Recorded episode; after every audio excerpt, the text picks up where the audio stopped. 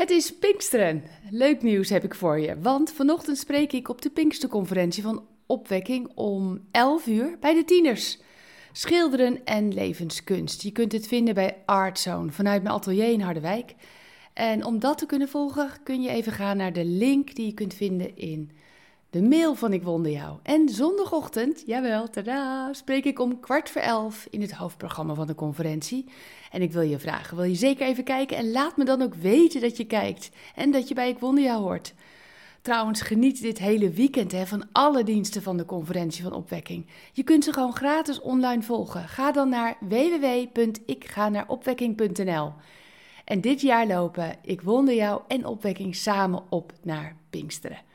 De afgelopen weken zijn in de live-uitzending van Ik Wonder Jou de hoofdsprekers te gast bij mij geweest. En uh, zij lezen ook een bemoediging uh, voor jou. Tenminste, die hebben ze geschreven en ik mag ze voorlezen. Alle live-uitzendingen kun je ook terugkijken op YouTube, dus ook de gesprekken. En vandaag, vandaag geef ik ruimte aan Eline Bakker. Zij zal ons bemoedigen. En ik wil ook zeggen, Eline, dank je wel voor deze mooie bemoediging en de prachtige liederen die je zingt. Um, trouwens, als je meer wilt weten over de conferentie van opwekking, kijk dan even onderaan de tekst van de overdenking in de mail van Ik Wonder Jou. Luister je dit of hoor je dit op Groot Nieuwsradio? Dan wil ik zeggen, ga zeker even je aanmelden voor Ik Wonder Jou. En laat je met zoveel andere duizenden mensen in Nederland elke ochtend bemoedigen door een mooie tekst. Daar gaan we, Eline Bakker. Spreuken 18, vers 10, daar begint ze mee. De naam van de Heer is een sterke toren. Een rechtvaardige snelt daarheen en wordt in een veilige vesting gezet. De naam van de Heer is een sterke toren. We kunnen dat lezen in Spreuken 18, vers 10. Dit is niet zomaar een beeldende manier om zijn naam te spreken.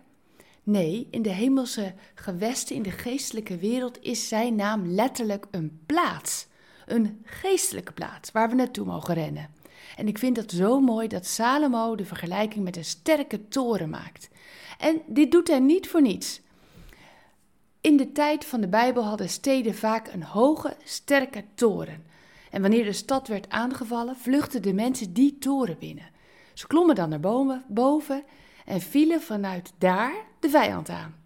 Dit kunnen we bijvoorbeeld ook lezen in Richteren 9, vers 50 tot 53. En het mooie van zo'n hoge, sterke toren was dat het volk de vijand van bovenaf kon zien. Ze kregen als het ware een helikopterview van de situatie. Ook zaten ze zo hoog dat de pijlen van de belager hen niet kon bereiken vanaf de grond. Nou, perfect dus. Hoe zit het met onze belagers? Wij strijden niet tegen mensen, maar tegen de duivelse machten en krachten, zegt Efeze 6, vers 12. Net zoals die toren niet een natuurlijke, maar een bovennatuurlijke toren is, geldt dat ook voor onze belagers. In mijn leven zijn het vaak pijlen van angst en onzekerheid waarmee ik beschoten word. Schaamte, pijn, ziekte, depressie of teleurstelling of ongeloof. Het zijn allemaal pijlen waarmee we worden beschoten vanuit het rijk van de Satan.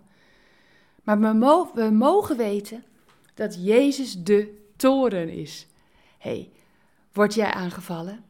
Komen jouw belagers op je afgerend, zoeven hun pijlen langs je oren en heb je het gevoel dat je geen kans meer op kunt? Zoek de sterke toren op, zoals het volk dat vroeger deed. Die toren, dat is de naam van Jezus. Salomo zegt het, maar ook David ontdekte dit geheimenis. We lezen het in Psalm 61, vers 4. Daar staat dit. Luister goed. Laat de naam van Jezus ook jouw schuilplaats zijn. Bedankt voor het luisteren naar Ik Wonder Jou. Hebben de woorden je hart geraakt en de teksten je geïnspireerd? Gun ook anderen Ik Wonder Jou. Meld ze aan bij www.ikwonderjou.nl. Ik ben zo blij dat je bestaat.